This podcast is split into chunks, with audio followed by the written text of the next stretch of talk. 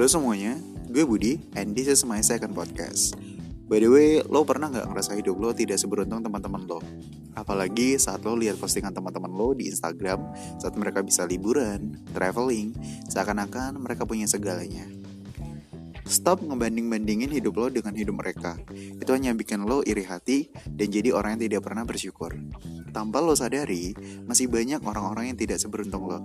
Di mana lo masih bisa makan dengan baik, hidup dengan baik, bisa sekolah dan bekerja, bahkan lo masih punya orang tua yang lengkap. Sebisa mungkin lo jadi motivasi buat mereka yang tidak seberuntung lo.